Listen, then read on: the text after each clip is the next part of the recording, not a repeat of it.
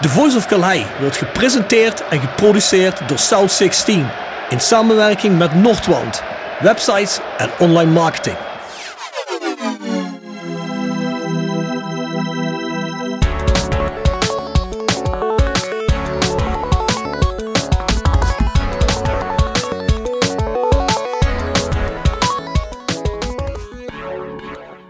Goedenavond. We zitten hier op de eh, maandagavond. Ja, laatste speelronde van ronde 2 van het WK. Morgen is Nederland zelf alweer aan de beurt om 4 uur. Dus ja, we gaan de speelronde voor jullie evalueren. Op het moment is het misschien nog net rust. Of volgens mij is het volgens mij net begonnen bij Uruguay-Portugal. Dat is de laatste wedstrijd van deze speelronde. Ik heb gezien dat Louis van de Burger King niet meedoet. Beetje jammer. Ik vond hem wel een korrig gezicht. Ik zit hier met uh, Man Gerard en Jasper Klute. Goedenavond, mannen. Goedenavond. Goedenavond. Nou ja, goed, wij gaan, zoals jullie van ons gewend zijn, een, eh, een klein stukje Roda doen, KKD. En daarna gaan we meteen door naar het WK. Het zal ook nog volgende week even zo blijven, totdat we zo meteen weer met Rode JC, PEC iets meer richting Roda gaan. Even een aantal mededelingen nog. Komende woensdag, dat is morgen, of ik denk als de meeste mensen dit zullen luisteren, zullen het waarschijnlijk al woensdag zijn, of misschien wel de donderdag. Maar deze week komt de Voice of Calhei natuurlijk ook gewoon uit. En die is deze keer met de Vrienden van Roda. Dat is een stichting waarvan de meeste mensen wel eens de naam gehoord hebben, die misschien niet precies weten wat ze doen. Dat is een groep kleinere sponsoren uh, uit het MKB gebeuren. En ja, goed, die vormen ook een steady en al een traditioneel oudere sponsorgroep bij Roda. Houden zich vooral bezig met het sponsoren van de Jeugdacademie. Maar ik zou zeggen, luister de podcast en dan weet je er meer over. Voor de rest hebben we hier natuurlijk ook onze petje af.com seizoenskaart. Mocht je geïnteresseerd zijn, ga eens kijken. Ik heb vandaag alweer een hele rits Voice of Calais shirts weggestuurd naar mensen die langer als zes maanden lid zijn op basis van het seizoenskaartabonnement. Want dan krijg je namelijk een Voice of Calais shirt voor niks. Er staan ook extra podcasts in. Extra onderdelen van de gewone Voice of Calais podcast. Unieke podcasts die voor de rest helemaal niet te krijgen zijn. Dus ik zou zeggen, ga eens kijken. Misschien interesseert het je. Dat is onze seizoenskaart op de Voice Matchday hier op petjeaf.com. Nou, onze online shop is south16.com. Tot Sinterklaas ook altijd korting 40% met de code XVI40 op alles wat er op het moment nog is.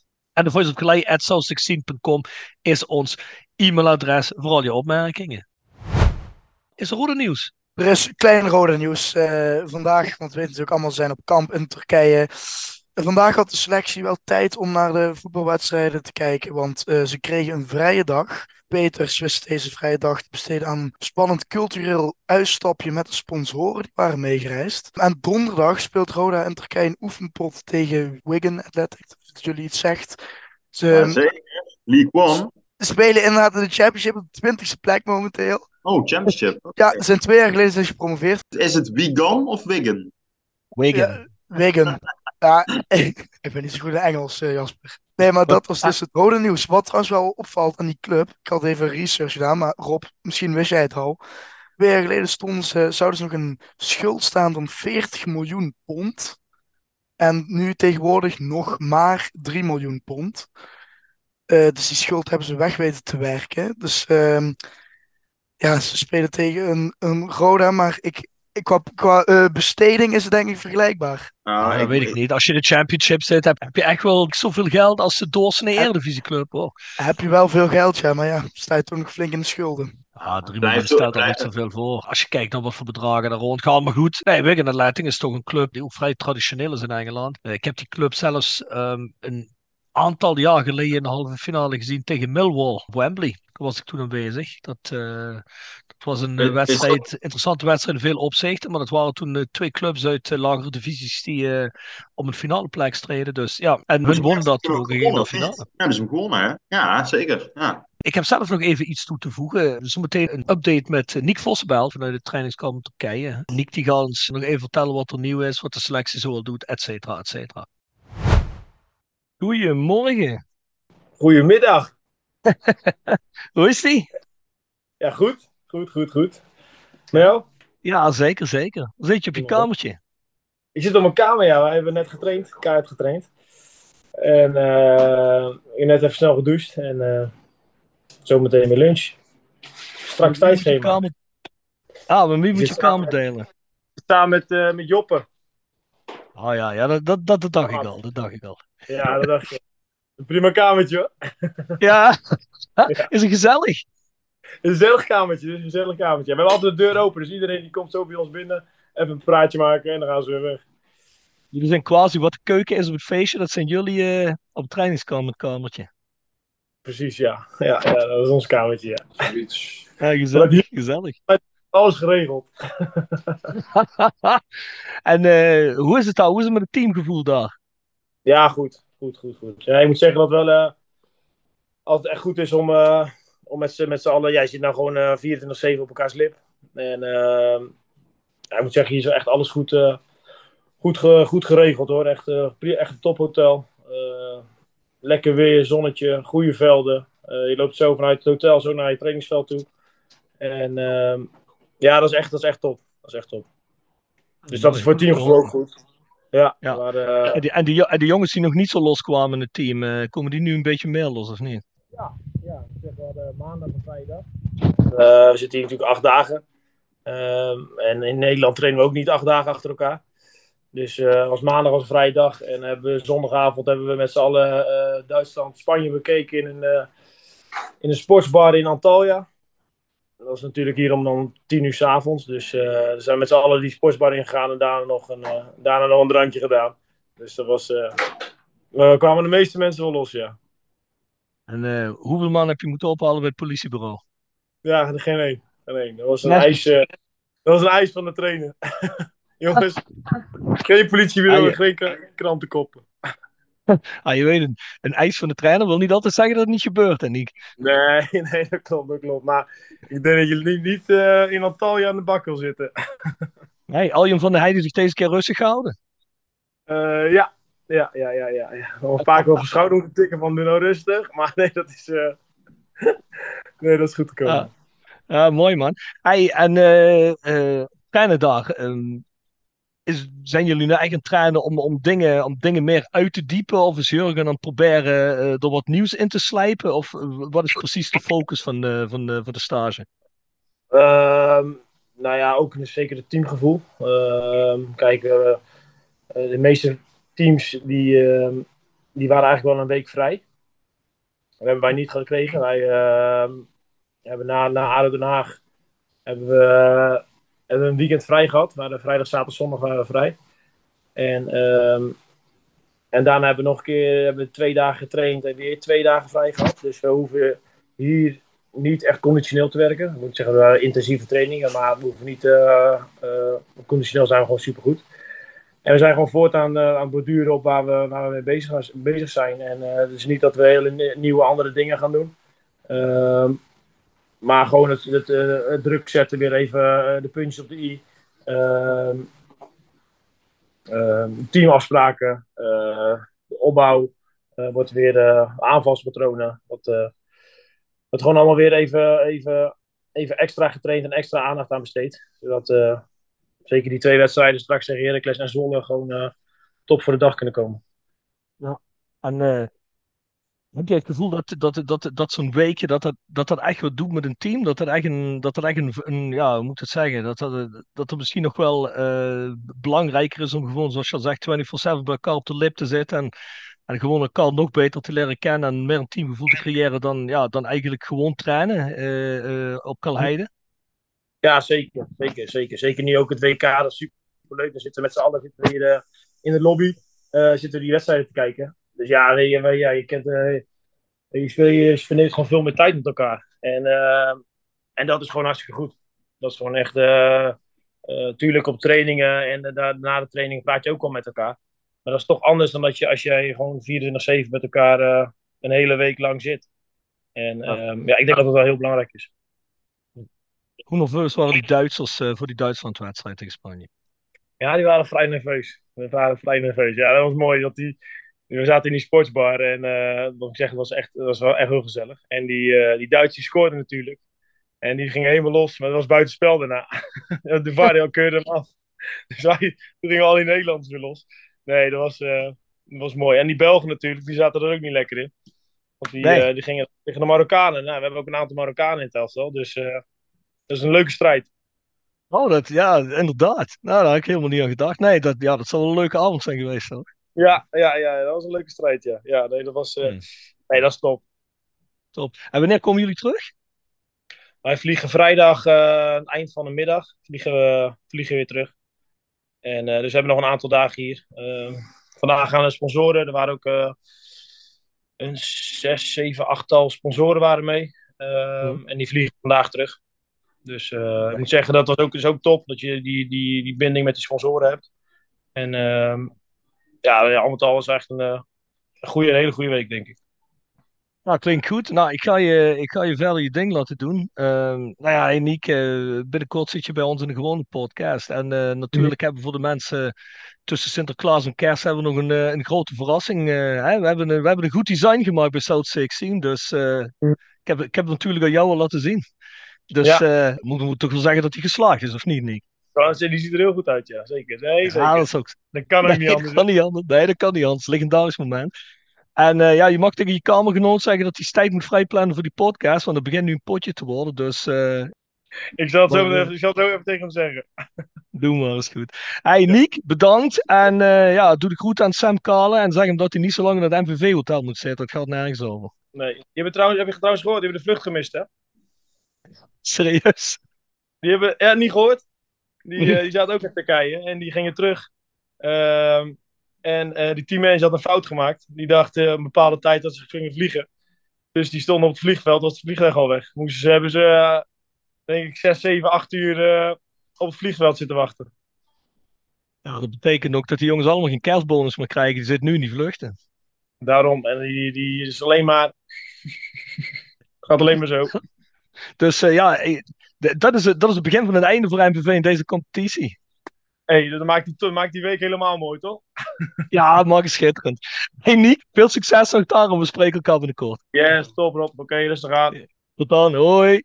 Hoi, hoi, hoi. Ja, Jasper, is er nog KKD-nieuws? Ja, zeker Rob. Uh, we hebben natuurlijk uh, afgelopen week bij uh, ADO Den Haag het ontslag van hoofdcoach Dirk Kuyt gezien. Die is inmiddels opgevolgd uh, door niemand minder dan Dick Advocaat, alias de Heintje Davids van het uh, trainersgilde. Die voor de zevende keer zijn comeback in het trainerswereldje heeft uh, aangekondigd. Nadat hij toch echt had gezegd: nu stop ik ermee. En dus is Dick Advocaat wederom terug in de voetbalwereld en gaat hij proberen om zijn geliefde ADO Den Haag terug te brengen naar een acceptabeler niveau dan waar het nu staat in de KKD. Ja, inderdaad. Dikkie terug. Ah ja, maar is toch gezellig? Waarom niet, man? Zeker, ik bedoel, kijk, als je kijkt naar uh, zijn staat van dienst en als je dat koppelt aan uh, wat er bij ADO moet gebeuren. Uh, het, de grote kracht van advocaat is vaak dat hij een team toch weer terug kan laten gaan naar de basis. Dat heeft hij destijds bij Feyenoord gedaan. heeft hij bij AZ een keer succesvol gedaan. Dat heeft hij bij PSV ook een keer succesvol gedaan. Dat is toch zijn grote kracht. Hij kan van een team wat weinig vertrouwen heeft een aantal automatismen erin slijpen, waardoor de prestaties toch weer beter worden. En dat moet hij nu ook bij ADO kunnen doen, denk ik. Maar denk je dan ook dat hij voor heel veel veranderingen in de selectie gaat? Of, of ga je echt dan op, wat je net zegt, gewoon op tactiek, op manier het veranderen? Nou, dat is natuurlijk iets wat hij in eerste instantie gaat aanpakken. Maar ik denk zeker, Dick Advocaat kennende en zijn historie met het onderhandelen met zijn clubs in, uh, in gedachten genomen, dan denk ik zeker dat uh, ADO hem wel gaat uh, toekomen in het financieren van een aantal spelers die er in de winterstop bij moeten komen, ja. Interessant, want we zullen toch nu Dirk Kuyt toch wel een afkoopsom moeten, moeten geven. Hè? Ik weet niet of die dan echt 6 ton is, maar het zal ook geen, het zal ook geen 50.000 euro zijn, denk ik. Dus heeft die club er überhaupt budget voor? Ja, drie maanden vrijheid niet betalen en weinig, toch? Ja, ik, ik, ik heb in ieder geval... contract heeft. Nee, ik heb in ieder geval wel gehoord dat, uh, dat Dirk Kuyt zijn afkoopsom iets lager is dan dat in de media verschenen is. Dat het wel gaat om een behoorlijk bedrag. En ook voor een KKD-club uh, uh, zijn er exorbitant hoog bedrag. Alleen, ik heb niks gehoord van een aantal tonnen waar wel eens in de media over gerept werd. Dus dat zal in die zin meevallen. Maar ik denk dat ADO sowieso wel uh, altijd een potje over heeft om iets te doen. En misschien dat ze in de winterstop ook gaan proberen om van wat spelers af te komen. Zodat ze daar op die manier uh, salarisruimte beschikbaar krijgen. Hoe dan ook, het zal toch een noodgreep worden wat ze in de winterstop uh, kunnen aantrekken. Het imago van ADO is ook niet echt vooruit gegaan het laatste half jaar. Dus het gaat sowieso al moeilijk worden om daar nieuwe spelers binnen te halen. Alleen ja, ze willen wel wat. ze willen vooral centraal achterin iets aanpakken. ze willen op het middenveld wat extra stabiliteit erbij. Voorin willen ze ook kijken of ze daar wat meer creativiteit kunnen krijgen. Maar ja, nogmaals, dat zijn allemaal leuke wensen. Maar dat moet je ook nog maar doen dan. Dat was hem. Dat was hem voor het KKD-nieuws, ja. In de voetstappen van Tik Nanninga. Oh, we komen tot de achtste finale. Het is absoluut het goedenavond. Het is uh, maandagavond en ik ben ondertussen alweer bijna twee dagen thuis. Um, de mannen van de Voice of Clay die vroegen mij om, um, om nog een conclusie uh, te trekken uh, van onze belevenissen op de WK. En dat doe ik, doe ik graag. Even terugkijken op, ehm, ja, op wat er allemaal gebeurd is en wat we, hoe we daarop terugkijken. Um, ja, toch te beginnen met uh, alle ophef rondom, uh, rondom de WK. Uh, van tevoren, tijdens de week dat wij er waren, tot nu en waarschijnlijk ook tot aan het einde ehm, van de WK zal het gaan over mensenrechten, wel of niet een bandje, of moet het toch een spelletje worden, ehm, een Duits team dat de handen voor de mond houdt, et cetera. Um, kijk, er zijn natuurlijk dingen gebeurd in dat land die, uh, die, niet, uh, die niet in de haak zijn. Ehm, mensenrechten geschonden, mensen worden niet gelijk behandeld. Allemaal zaken waar we best iets van mogen vinden. Eh, en dat is iets wat, wat, wat mij betreft niet alleen rondom een WK de aandacht vergt, zou moeten vergen, maar vooral ook daarbuiten. Ehm, en niet alleen als er een groot evenement is. En ook de hypocrisie uh, daaromheen. Dat het alleen maar gebeurt op het moment dat er een evenement is. Spreekt wat mij betreft boekdelen. Uh, het, is, uh, het is zo makkelijk om thuis met je telefoontje waarvan de batterij met grondstoffen in elkaar is gezet die, die, die kinderen in een mijn in Afrika hebben gedolven. en kinderen in China de dingen in elkaar hebben gezet. kun je lekker anoniem twitteren en Facebook berichtjes sturen met je grote woke mond. Um, en en dat, dat irriteert me uh, mateloos. Uh, die strijd die zal, uh, dat gevecht zal aangegaan moeten worden met, met dit soort landen op een, op een ander niveau. en, en niet op deze hypocriete manier. mijn mening hier, hierin. daarnaast, dat was ook onze beleving in Qatar. Nobody gives a fuck. Uh, behalve Nederland en onze omringende uh, landen. Uh, die zo ontzettend woke zijn geworden dat we gewoon keihard worden uitgelachen. dus nogmaals, het heeft niks te maken met de daadwerkelijke misstanden die er zijn. maar we zijn zo goed om met het vingertje te wijzen naar, naar anderen. En vooral ook vanuit onze arrogante westerse houding iedereen uh, op te leggen van hoe uh, zij moeten zijn en zich moeten gedragen zonder uh, ook maar enige cultuur, enige cultuur in acht te nemen. Natuurlijk, hè, nogmaals, ik blijf het herhalen. Er zijn natuurlijk dingen die niet kunnen, maar dat betekent niet dat die hele cultuur, dat wij het recht hebben om mensen te op te dringen voor wat ze moeten doen, vinden, et cetera. Uh, en dat, die neiging die hebben we heel erg sterk. En dat maakt ons echt heel belachelijk in de rest van de wereld. Want buiten die West-Europese landen is er niemand die er iets van zegt. Uh, sterker nog, we worden daadwerkelijk door, door de, de, halve wereld uitgelachen. en dat ja, dat is natuurlijk best, uh, best triest. En uh, uh, nou ja, goed, ik kan er niet meer al te veel over, over, over zeggen. Ehm, ik vind, en dat klinkt misschien heel controversieel, deze regio verdient wel degelijk een WK. De manier waarop ze die gekregen hebben met de corruptie, et cetera, rondom de FIFA, is niet oké. Dus wat dat, wat dat betreft hebben ze die WK niet verdiend. Uh, maar de regio zelf en, de goed organisatie, zoals die er nu was, verdient wel degelijk een WK. En waarom zeg ik dat? ook hier weer, de, de WK zou niet voorbehouden moeten zijn aan de traditionele landen in Latijns-Amerika en, en, en Europa. de rest van de wereld geniet ook van, van voetbal op, op zijn of haar manier. En um, ja, dat is anders dan bij ons. En dat moet dan nu eens een keer in de, in de winter op een andere manier. Uh, en er komt misschien een ander soort publiek. Uh, maar mensen kijken anders tegen voetbal aan. Maar mensen zijn ook helemaal gek van voetbal in het noorden van Afrika, in het Midden-Oosten en in delen van Azië. Um, uh, waar veel mensen ook naar deze WK zijn toegetrokken.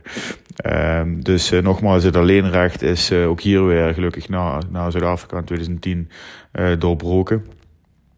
Uh, en dat vinden we schijnbaar heel erg moeilijk. Uh, maar het WK was, uh, was prima georganiseerd, prima in orde. De, de, deze WK was ook uniek. met, met de WK in één relatief klein land. Waarbij alle stadions in en om de stad Doha plaatsvonden. Een cirkel van ongeveer 30 kilometer. En dat leidde ertoe dat ook alle fans van die, van die landen in, die, in die kleine regio zaten. Uh, maar ook uh, dat alles, maar dan ook echt alles van het bushokje ehm, tot de pen bij de receptie aan het hotel, tot wolkenkrabbers met afbeeldingen van voetballers. alles was, ademde de WK uit. er waren verschillende plekken in de stad op verschillende manieren. Um, aangekleed voor de WK, uh, uitgerust voor de fans van de Shoek. Wakif, de oude markt met uh, de kraampjes en restaurantjes. Uh, waar je lekker kon eten en heel veel fans kon zien die naar de traditionele, naar het Arabische stuk van de stad kwamen kijken. tot en met de wolkenkrabbers, zoals gezegd. tot en met alle grote internationale hotelketens die volledig met, in de WK, met de WK begaan waren, waren en waar je en bij één of twee hotels uh, een van de landen kon aantreffen die daar dan. Uh, alles, maar dan ook echt alles ademde WK. En dat was natuurlijk het voordeel van, van een WK die zich concentreert in, in en om één, één stad. En dat betekende ook dat je overal in die stad al die fans tegenkwam. Uh, op, de, het fanfestival zijn we niet, uh, niet te vaak geweest. Zijn we één keer geweest, dat die poging hebben we gestaakt. Uh, maar dat bleef het wel druk. En met name met lokale mensen, maar ook veel Noord-Afrikanen die daar naartoe gingen. Dat was voor ons Westerlingen iets minder interessant van, vanuit vanwege twee redenen. Dat was natuurlijk pas bier te krijgen vanaf het avonds 7 uur. op de tweede plek was het daar ook voor een arme blanke zoals ik niet uit te houden in de volle zon boven de, met boven de 30 graden. Uh, dus dat hebben we niet al te vaak gedaan. Maar zoals net gezegd, de Kief, daar kwam je alles en iedereen tegen. Uh, Ingo en ik hebben heel veel uh, bars bezocht door, door, de hele stad heen.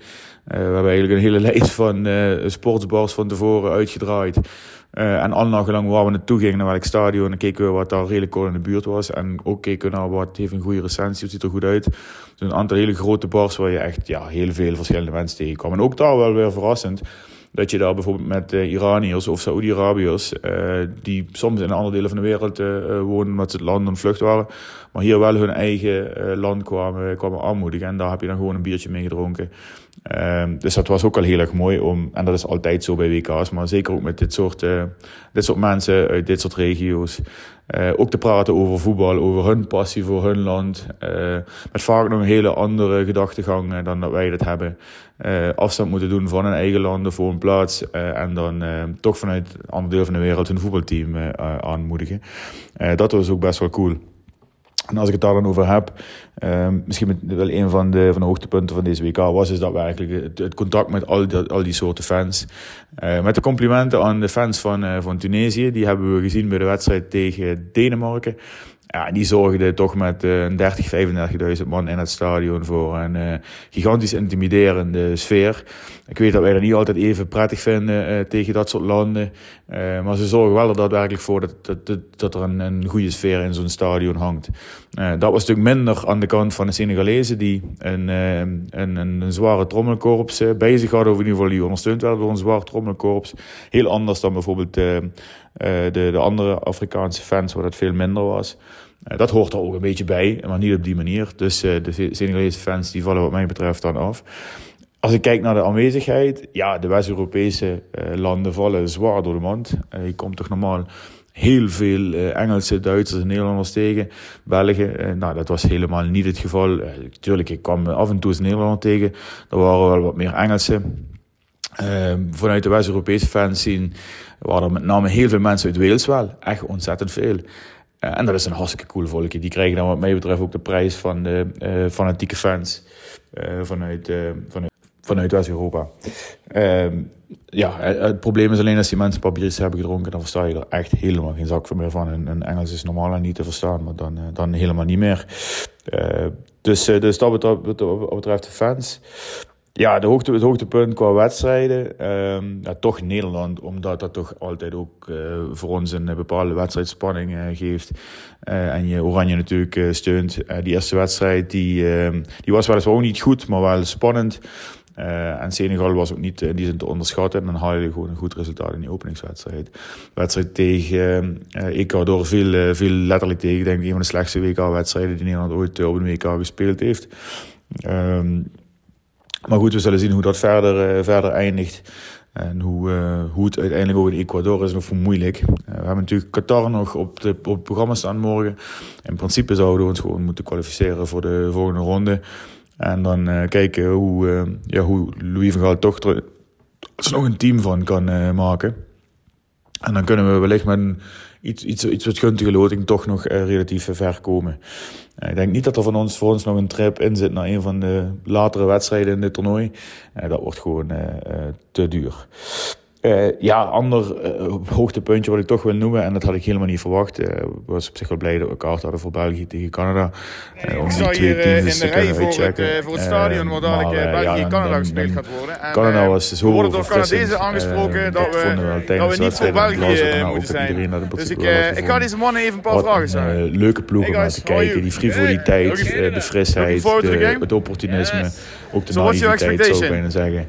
Jammer dat ze in die wedstrijd tegen de Belgen niet iets rustiger voor de goal waren. Dat gewoon verdiend kunnen winnen. So you're gonna expect the next upset in this tournament, right? What do you think about the World Cup in Canada so far? Uh, maar dat, uh, dat, was, uh, dat had ik Canada gegund. dat was wat dat betreft een, ja, de, leukste wedstrijd qua voetbal. En dat is misschien vreemd, maar... Ah, similar experience uh. Andere wedstrijden die we gezien hebben, Brazilië, Servië. om verschillende redenen. Ah, de championship ball, right? dat, dat gemaakt had, het doelpunt was natuurlijk van enorm hoge klasse. Fantastisch om, om dat live mee te maken. En dat werd, ja, het geluid, de geluidsgolf in het stadion was, was gigantisch. Een fantastisch mooi stadion waar 88.000 mensen in passen. En die waren er ook uh, daadwerkelijk. Uh, bij elke uh, beweging, voetbeweging van een Braziliaan ging er al een geluidsgolf door het stadion heen. voelde je het bijna van die indrukwekkende hoge tribunes. Het is altijd gaaf om dat te zien. Een stadion waar bijna 100.000 mensen in, uh, in zitten. Nou, je kunt je voorstellen dat de explosie aan geluid toen, uh, toen dat doelpunt viel. En die herhalingen nog eens een keer op het scherm langskwamen. Dat dat, dat uh, fantastisch was. Dus dat was zeker ook de moeite waard. Um, helemaal bijna vergeten om het nog over uh, de bierprijzen en de verkrijgbaarheid van bier uh, te hebben. Want ook daar was natuurlijk een hele hoop opheffen onder, onder de fans. En uh, niet te missen elementen tijdens een WK, een biertje drinken. voor, na, tijdens de wedstrijd. Nou, dat was natuurlijk ook een beetje anders. En ook dat moeten we gedeeltelijk respecteren. Alhoewel het natuurlijk wel lachwekkend is over de manier hoe dat allemaal gegaan is. Um, dat op het laatste moment daar nog wat dingetjes en regels veranderd zijn. Achteraf gezien heeft het voor ons echt uh, nauwelijks impact gehad, moet ik eerlijk zeggen. Van tevoren keken we daar wel een beetje tegenop. Dat uh, betekende wel dat we iets meer aan, aan planning moesten doen. we hebben twee dagen gehad waarin we één wedstrijd hadden. En dat was die van Nederlands elftal. En dan was het relatief makkelijk. Dan ging je ergens in de stad in een sportbar zitten van tevoren. En ja, dan eigenlijk net op tijd zorgen dat je de taxi pakte naar het, naar het stadion. En dan kreeg je in het stadion geen bier, maar dan ja, dan konden we best een paar uurtjes overleven. En uh, daarna weer uh, de kroeg. En dat hebben we het maandags gedaan. Dat hebben we vrijdag ook gedaan tot bijna sluitingstijd. Om uh, half drie, kwart voor drie. Nou was het ook wel goed geweest, moet ik eerlijk zeggen. En fantastische Ierse pubs en sportsbars waar je ja, eigenlijk dezelfde dingen mee kon maken die je in uh, West-Europa uh, ook uh, meemaakt. de andere wedstrijden was het soms even wat moeilijker. Zeker als je twee wedstrijden op een dag deed. Dan, ehm, dan gingen we meestal van tevoren niet. Dan werd er ontbeten, gingen we naar een wedstrijd. En daarna zochten we dan een, een bar op, een paar hele goede gehad waar je ook nog goed kon eten. En dan de middagwedstrijd kon kijken. dat was natuurlijk ook leuk. We hebben, hebben vaak bijna vier wedstrijden per dag daadwerkelijk gezien. behalve wat, wat stukken van de wedstrijden die we, die we niet konden zien vanwege reizen onder het van een biertje. En ook daar waren de verschillen best, uh, best groot. Ja, we hebben inderdaad wel eens uh, eh, 14 euro voor een bier betaald. Uh, we hebben ook wel eens 17 euro voor een liter bier betaald, dat dan maar heel erg meeviel. En die kun je natuurlijk wel, je ook raden op welke plek dat we het vaakst geweest zijn. Ehm, dat was shots in het, ehm, ehm, even denken, in het Hilton Hotel, waar je ook sowieso een mooi buitenterras had, met schermen. dat was al ideaal. en daar hadden ze een happy hour, waarin je ja, zoals ik al zei, dat was nog goedkoop. Volgens mij was het 14 euro of zo voor een liter. En als het geen happy hour was, was het 17 of 18 euro. Uh, dus dat was allemaal prima uh, te doen. We hebben echt geen, geen biertje gemist hoor. En dus ook genoeg plekken waar, je dat, waar dat verkrijgbaar was. Geen onbelangrijk element op deze reis, maar wellicht het, het waard hier voor ja, toch wat onduidelijkheid, denk ik, en niet-wetendheid bij, bij mensen hier. Kort gezegd, een, een unieke WK in een uniek land, waar heel veel over gezegd en geschreven is en zal worden. Wij hebben het als fantastisch beleefd. We hebben ook nog eens een keer met elkaar afgesproken dat we, ja, we doen het al ongeveer sinds 2000, 2004, dat we proberen dit soort toernooien allemaal af te gaan. En dat hebben we nog eens een keer met een biertje beklonken en afgesproken dat zolang als wij dit kunnen, blijven we dit doen. Want we, volgen Oranje, we zien graag voetbal, we ontdekken graag andere delen van, van de wereld, ontmoeten ook de mensen uit andere delen van de wereld. Um, en ja, uh, zoals uh, Bjorn het uh, omschreef, ik blijf nog steeds een hele mooie omschrijving vinden. met ons heel zwaar bloed en een vleugje oranje blijven we dit gewoon doen. En helaas moet ik zeggen, is mijn verwachting niet dat we met Roda uh, op uh, verre plekken gaan komen de komende jaren. Dus ook wat dat betreft biedt het Nederlands elftal ons dan de kans om in ieder geval te mogen reizen door de wereld en, en mooie voetbalavonturen te mogen beleven. Het was leuk om dit te, net te doen. voor mezelf ook nog een naslagwerkje om eens af en toe terug te luisteren. Hey, wat hebben jullie weer allemaal gedaan in, in Doha, Qatar in, in 2022? Groeten vanuit Kerkrade ondertussen en tot ziens. Goed, nou dan laten wij overstappen naar het WK en laten we een rondje langs de meest opvallende WK-uitslagen doen van speelronde 2. Nou ja, goed, op het moment wordt Portugal-Uruguay nog gespeeld. Dat staat vooralsnog volgens mij 0-0. Ja, voor de rest zag ik als eerste wedstrijd dat uh, Iran met 2-0 wint. Uh, compleet een blessuretijd van Wales. Dat was natuurlijk wel een mooie. Ook een mooie booster voor dat land natuurlijk. Uh, of in ieder geval hè, voor, voor, voor dat team dat zich inzet en een message zond. Een kritische message naar de mensen die dat land regeren. Dus het is wel mooi dat de jongens deze keer succes hebben daarmee. Voor de rest, wat ik die dag nog opvallend vond, was Engeland tegen Amerika. waar Engeland zo wervelend begon. Met die 6-2 overwinning op Iran eh, hadden ze nu heel moeilijk tegen een uh, toch wel sterk voetballend Amerikaans team. Hebben jullie dat gezien? Zeker, zeker. Ik vond inderdaad wat jij zegt, Amerika eigenlijk grote delen van de wedstrijd gewoon de betere ploeg. Engeland, als je het vergelijkt met de 6-2 tegen Iran, Stroef kwam weinig tot, tot echt creatieve aanvallen. En dan komt er toch weer het grote euvel, wat ook tijdens het EK van 21 al een beetje zichtbaar was. het niet creëren van kansen die dermate gevaarlijk zijn om die wedstrijd ook naar je toe te trekken. En dat was in 2021 ook wel een beetje het ding, hè, dat het, het spel een beetje saai was. En dat was nu eigenlijk ook weer. Het valt te bezien. Ik denk dat Engeland zo goed is gekwalificeerd is. Hè. Dat moet toch wel heel gek lopen. Wil Engeland zich niet kwalificeren voor de volgende ronde. Maar toch jammer. Want het gaat niet zo soepel en niet zo vloeiend. Als we eigenlijk zelf al geanalyseerd en gezien hadden in de vorige speler en in de vorige voice matchday. Frankrijk, die wonnen 2-1 van Denemarken was niet zo overtuigend als de eerste keer, maar toch gewoon een gedegen overwinning. Hè. Frankrijk, Frankrijk voetbalt eigenlijk redelijk gemakkelijk, met weer een, uh, gemakkelijk scorende Mbappé. Ik denk dat Argentinië doet wat ze moeten doen tegen Mexico. Was ook eigenlijk wel verwacht, denk ik. Hè. Ik denk dat de grote verrassing, is raar, want ik denk dat twee weken geleden had je misschien allemaal geen verrassing genoemd, maar dat een Japan dat Duitsland verslaat met 1-0, zelf 1-0 eronder uitgaat tegen Costa Rica. Hadden jullie dat verwacht? Ik, ik heb de pot niet gezien, nee, maar ik denk dat niet, hele, niet mensen dat niet hadden kunnen verwachten. Nee. Zeg maar, als je de staat van gisteren Duitsland ziet, dat is dan wel verlies van Japan, maar dat Japan dan niet wint van Costa Rica, dat is, uh, ik denk dat niemand dat had kunnen voorspellen, nee. Nee, want als Japan gisteren gewoon gewonnen had, dan was Duitsland er nu uit geweest. Hè? Want met ja, de uitslag van gisteren had Spanje vier punten gehad en Japan zes, dan was het einde geweest al. Hè? Ja, het is bij die wedstrijd wel heel duidelijk dat Japan absoluut niet het spel kan maken. Want uh, dat hebben ze tegen Duitsland ook niet gedaan. Dat hebben ze uit de counter, uit de reactie gespeeld. Maar je ziet dat Japan heel veel moeite heeft met een uh, ploeg die uh, hun de wil op, of tenminste die hun het spel laat maken. En je ziet dat dat gisteren afgestraft is geworden. Want Costa Rica creëerde niks, creëerde één, één schot. En die had, die had echt gepakt moeten worden door de keeper. Dat was een gigantische blunder. Ja. dan zie je toch dat uh, zelfs Japan tegen Costa Rica, wat ja, mijn inziens het zwakste team op dit toernooi is, toch nog verliest. Zwakker dan Qatar? Ja, nou die twee ontlopen elkaar niet veel, denk ik. Nou, ik denk dat dan misschien wel de grootste verrassing tot nu toe komt. Hè. Dat is België met 2-0 verlies van Marokko. Een sterk Marokkaans team, moet ik zeggen. Een Belgisch team. De, media heeft er al genoeg over gezegd. Maar ik denk dat dat Belgisch team gewoon echt over de top is. Ik heb het gevoel dat er helemaal geen drive meer in zit ook. Ik denk dat het gewoon voorbij is. De Bruine was weer ontzettend slecht. Bleef compleet onder zijn Manchester City niveau. Ik vond dat niemand eigenlijk een niveau aanraakte. En ja, volledig terecht uh, met een uitblinkende Ziyech. Win Marokko met 2-0. Ja, maar het is ook die hele houding erop van het Belgische team. Hè? Ik bedoel, als de Bruine vooraf al zegt van we zijn eigenlijk te oud om hier succes te boeken.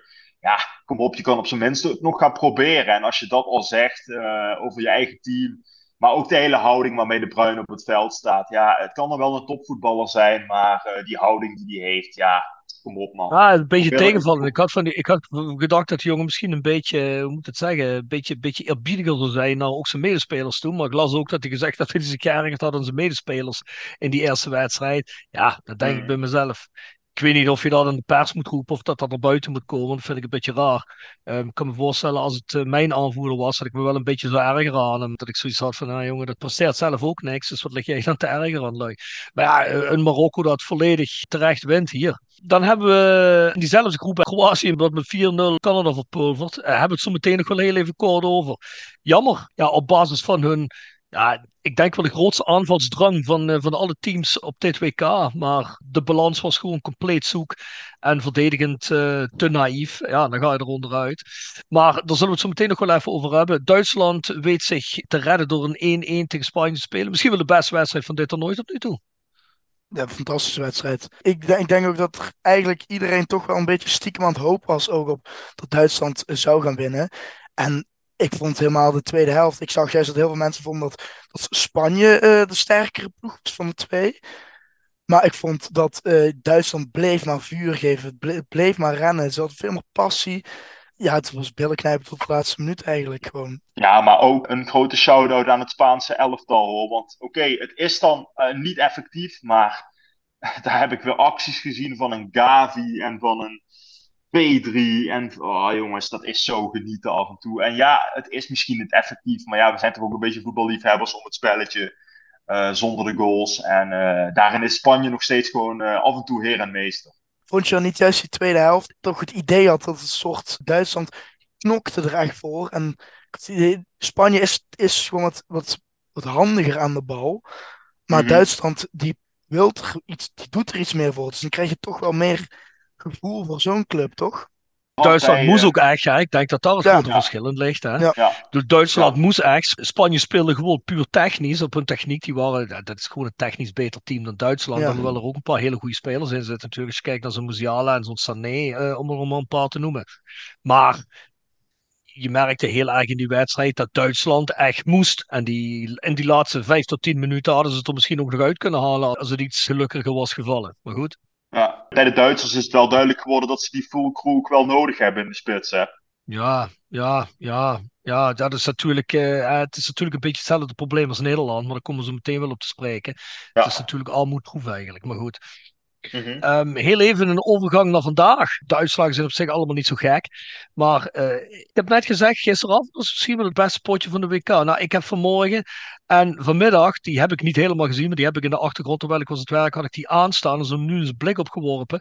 Maar ik heb natuurlijk het scoreverloop meegekregen en op een gegeven moment ben ik wel even gaan kijken, omdat het toch wel heel erg eh, leuk was.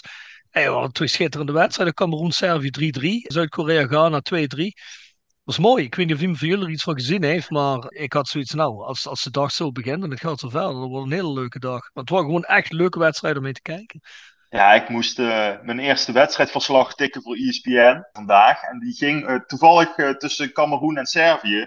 Dus ja, ik ben wel op mijn wenken bediend in mijn eerste wedstrijdverslag. Want ja, dat was een wedstrijd die echt van, van, van, van alle kanten opging. De ene, ene keer was Servië in de aanval, dan Cameroen in de tegenaanval weer. Ik moet wel zeggen, Servië had eigenlijk technisch gezien de overhand.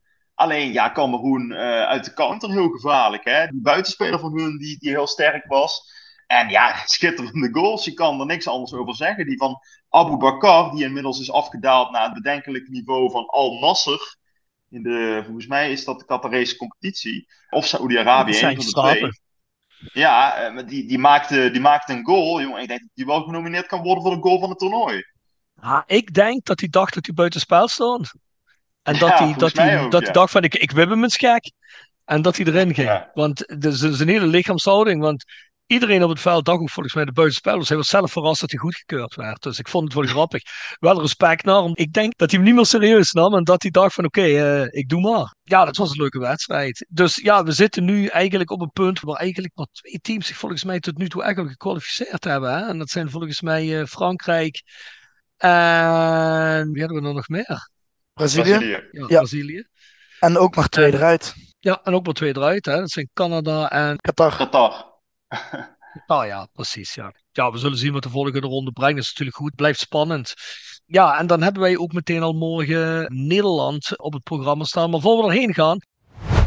Bezinning. Het is in de laatste maanden voor het WK al vaker gezegd. Misschien komt het nog niet eens zo slecht uit dat het WK midden in het seizoen plaatsvindt. Zoals collega Bart Eurlings altijd vrijtreffend zegt: bij dit Nederlands elftal heb je niet de spanning die je hebt bij een Roda-wedstrijd. De weken van dit WK zijn de weken geworden van bezinning van de Roda-selectie, maar ook bezinning bij de Roda JC-fans. Ons geliefde clubje waar we zo trots op zijn als het goed gaat, maar ook zo ontzettend hard voor zijn als het fout gaat.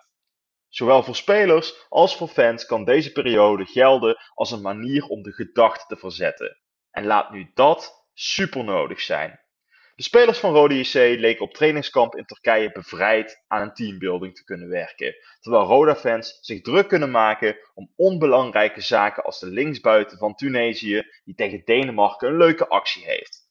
Ook een manier om de zinnen flink te verzetten. Maar er zijn nog meer manieren, en niet elke manier is even makkelijk. Aangezien we toch ons hart bij Roda hebben liggen, kun je er niet omheen om deze week iemand even een extra hart onder de riem te steken. Pierre Vermeulen, de fantastische aanvaller van Waleer, die bij Feyenoord en PSG speelde, maar toch altijd het meest betrokken is bij Rode JC. Ook op de momenten dat hij niet in Kerkrade woonde. Naast een van de grootste Roda-spelers uit de historie te zijn geweest, is Pierre ook altijd een van de grootste Roda-supporters. Voorafgaand aan het seizoen, vaak nog voor de eerste competitiewedstrijd, trok ik richting de fanshop met mijn vader om het nieuwe shirt te halen voor het nieuwe seizoen. Of het nou in de mooie jaren 2010-2011 was, toen Rode IC op een Hana Europees voetbal haalde, of in het seizoen 2019-2020, toen Roda op een Hana failliet was. Pierre stond er, voor man en vrouw, voor jong en oud, voor bekend of onbekend stevast met zijn sigaretje in zijn hand en zijn kopje koffie uit het koffiezetapparaat van de fanshop. Een half uurtje naar Pierre Vermeulen betekende voor de meeste Rode JC-fans meer dan vijf sessies bij de psycholoog. Altijd met een duidelijke mening staat Pierre je dan te woord. Over de huidige situatie van Roda. Duidelijk, maar nooit schreeuwerig. Altijd met die vredige, rustige klank. Altijd met die vredige, rustige klank met die heerlijke kerkraadse tongval. Hoewel Pierre vorig jaar verdween uit de fanshop, zien we hem ook dit seizoen geregeld. Na afloop van de wedstrijd of op de open dag. Toen vrolijk, misschien nu iets minder vrolijk, en dat is te begrijpen. Pierre voert een lastige strijd. Een strijd die nog lastiger is dan het nadoen van die onnavolgbare passeerbewegingen in zijn tijd bij Paris Saint-Germain. De weken van het WK en daarna kerst zijn wat mij betreft de weken om deze topper eens een extra hard onder de riem te steken. Volgens Pierre moeten we hem niet anders benaderen dan normaal. En dat hoeft ook niet. Maar het lijkt mij de kleinste moeite om bij de eerstvolgende thuiswedstrijd tegen Heracles Almelo een steunbetuiging te geven aan deze topper. Pierre, voor aardig. Nederland-Ecuador. Nou, die wedstrijd die hebben we natuurlijk allemaal gezien die begon voortvarend. Hè? Cody Gakpo scoort meteen de eerste vijf minuten de 1-0. Schitterende treffer. Ja, dan denk je, ah, het Nederlands elftal, uh, ja, ze, ze, ze, hebben de draai gevonden. Dit gaat goed gaan. Ik vond de opstelling ook logisch gewijzigd, moet ik zeggen. Dus mhm. ik, verwacht er redelijk veel van. Want ja, jullie weten, Davy Klaas in het Nederlands elftal is een van mijn, uh, van mijn favorieten. Ik denk dat hij er altijd voor de druk moet zijn. En uh, voor iets extra's te brengen die aanval, zeker vanaf die 10 positie.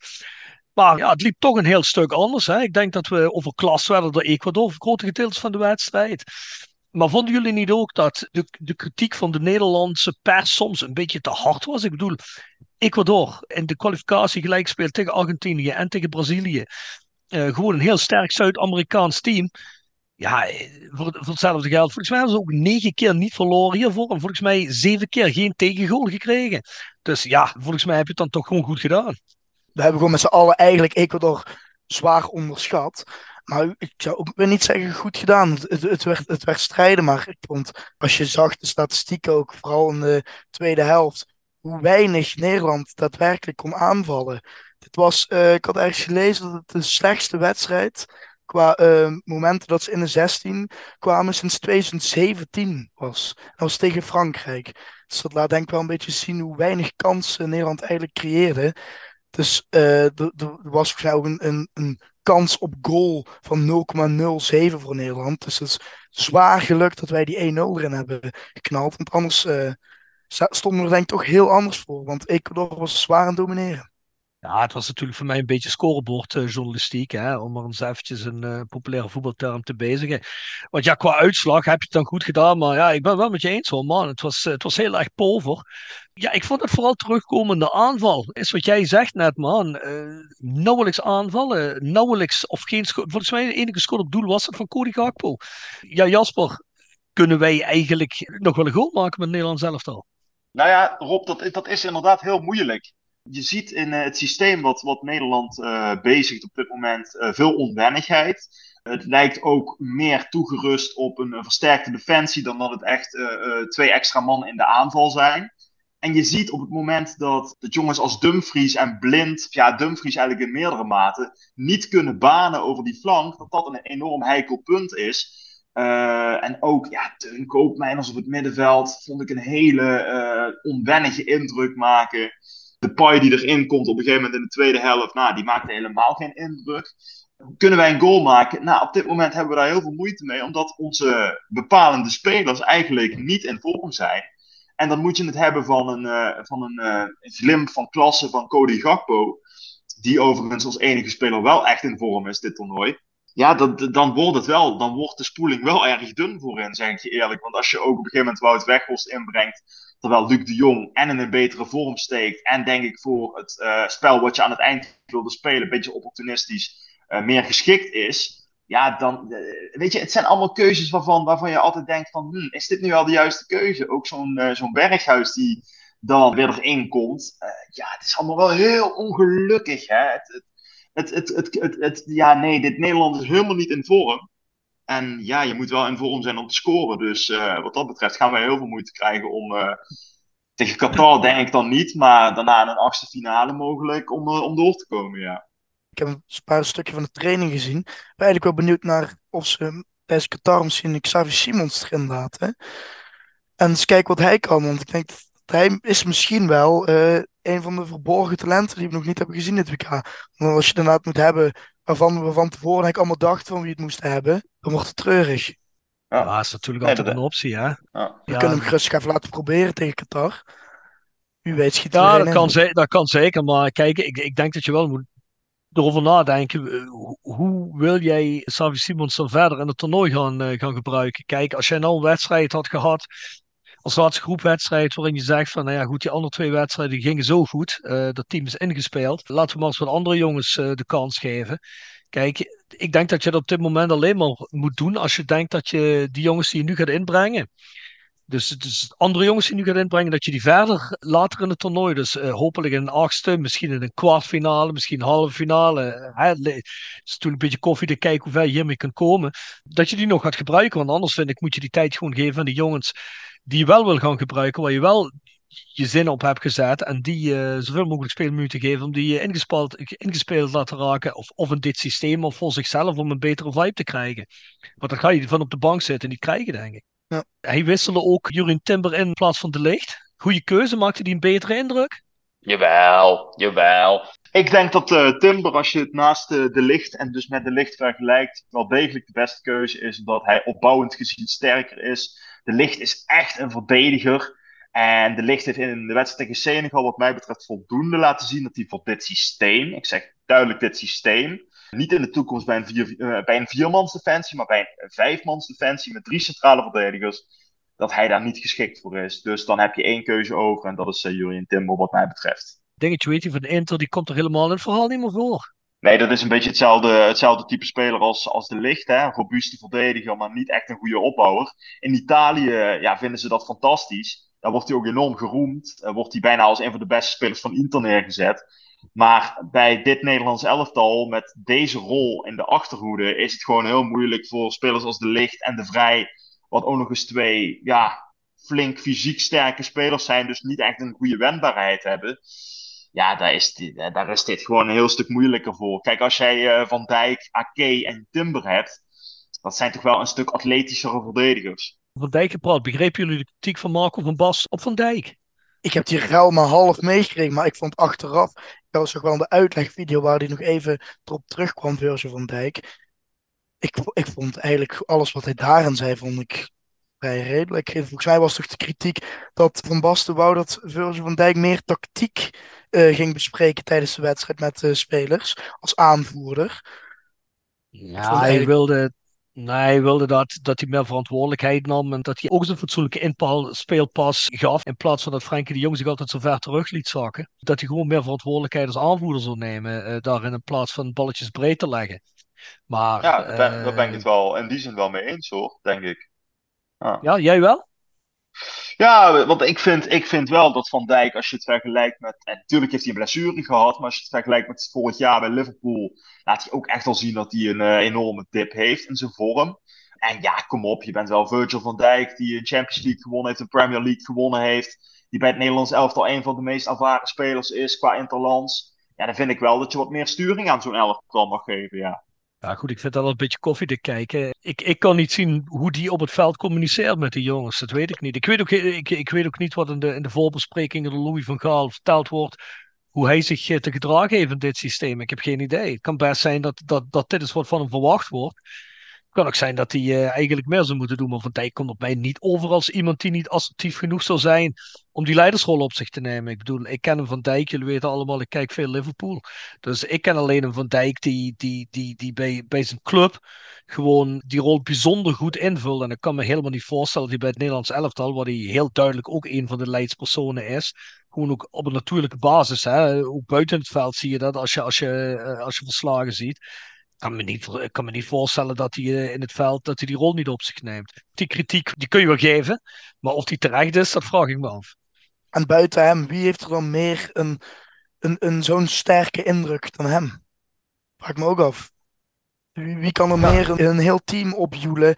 Wie kan het beter dan Virgil van Dijk? Ik denk dat hij toch wel het meest respect afdwingt als je hem zo ziet.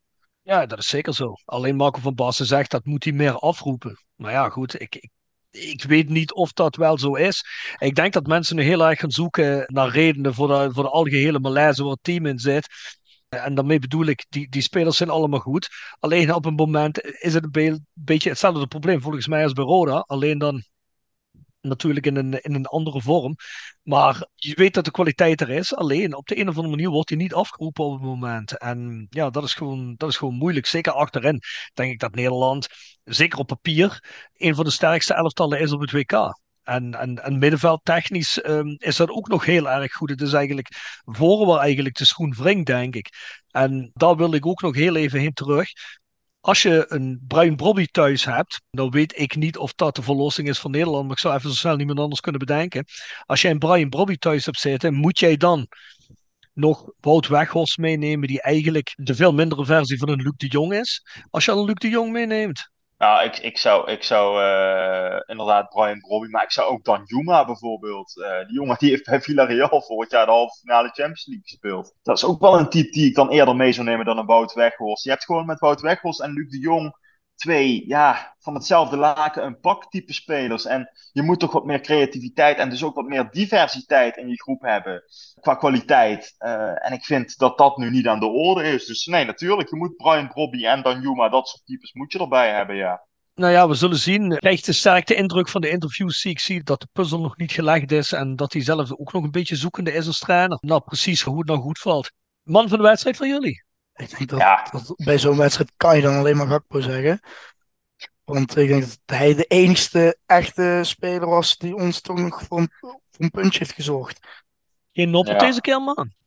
Nee, ik zou het überhaupt niet nog een keer durven zeggen, maar dit keer, uh, nee, nee, nee, nee. Deed ook deze wedstrijd gewoon niks bijzonders, nee. maar hij deed zijn job gewoon zoals hij hem hoort te doen. Die goal, ja, er zijn mensen van, hij moet hem misschien anders wegstompen, maar ik denk dat je hem niet anders kunt wegstompen. De, hij moet ergens heen met die bal. En, uh, nou ja, en anders was hij wel een andere keer gevallen. Maar ja, het stond, er stond ontzettend veel druk op, op dat moment ook. Maar ja, ja. van de andere kant... Uh, bij die goal Nathan Ake, die anticipeerde helemaal niet meer op die bal. Die op een gegeven moment hield hij op met, uh, met die jongen mee te lopen. Eén uh, of twee meter en dat was net te veel. Ik vond dat dat ook verdedigend problematischer was dan dat het, dat het de keeper was. Ik vind dat Noppert daar helemaal niet veel aan kon doen in die goal, maar goed. Dus dat is jouw dus, man of the match? Mijne? Ja, ik hoor ik dat? jou. Cody Gakpo. Cody Gakpo, hè. Nee, heb je goed gelijk. En ik bedoel, wie geef je anders uh, deze? Het was te matig om iemand anders man of the match te maken. Het is een beetje het Roda verhaal van de laatste weken. Hè? Dylan Vente scoort, dus dat is de man of the match, want de rest houdt niet over. Eigenlijk is Cody voor de Dylan Vente van het Nederlands elftal. Hè? Dus, uh... Een saaie waarheid. ja. Alhoewel ik vond tot alleen op dat meelopen dat Nathan Ake ook een sterke wedstrijd had. Maar ik vond hem bij die goal niet erg sterk. Als hij had kunnen verhinderen is een tweede. Maar hij hield even in en hij anticipeerde niet meer op die bal. En dat vind ik heel erg jammer. Jasper, jij? Ja mannen, het wordt saai, dus we gaan het kort houden. Cody Gakpo. Oké, okay. nou dan mag jij beginnen met een punt voor de wedstrijd, Jasper. Punt voor de wedstrijd. Uh... Ja, Ecuador, uh, nogmaals, moeten we niet onderschatten. En uh, kijkende naar het feit dat dat gewoon een, goede ploeg is. En dat je dan alsnog gewoon een resultaat eruit kan slepen. Want ik schat Ecuador echt misschien wel tot bij de laatste acht. Dat zou zomaar eens de verrassing van het toernooi kunnen worden. Dan denk ik dat uh, je. Ja, oké, ja, de wedstrijd was wel gewoon slecht. Ja, laten we er een zes van maken. Een zes? Ik zou, ik zou er uh, eigenlijk juist precies die analyse die je net geeft. En dan zou ik er een vijf uh, aan plakken. Tuurlijk, Ecuador hebben we ik deed er ook zwaar mee. Volgens mij gokte ik 4-1. Maar zwaar onderschat. Maar al met al, ik denk toch als je het uh, hier al zo lastig tegen hebt, weet ik niet als je op een WK dan een voldoende aan zo'n ploeg kan geven. Ja, het punt is dat alles momentopnames zijn. Ik geef een 5, ja. Ja, dat klopt ook wel dat een momentopname is. Dat is ook zo. Alleen, je moet nu in een vrij korte tijd moet je natuurlijk proberen te pieken. Hè. En het is wat Bas vorige week zei. Je, je kunt beter een, slechte groepsfase spelen en dan ietsje later in het toernooi pieken. Dan omgedraaid. Hè. Daar hebben we allebei al voorbeelden van. Vooralsnog maak ik me nog geen zorgen. Het enige wat ik me zorgen over maak is dat we nauwelijks kansen creëren. Nauwelijks op school schieten. Dat, dat is veel problematischer. Maar ja, laten we hopen dat hij nu paar meer minuut kan geven en dat hij misschien een goal maakt waarmee hij zijn drive in het gevoel, uh, het gevoel heeft.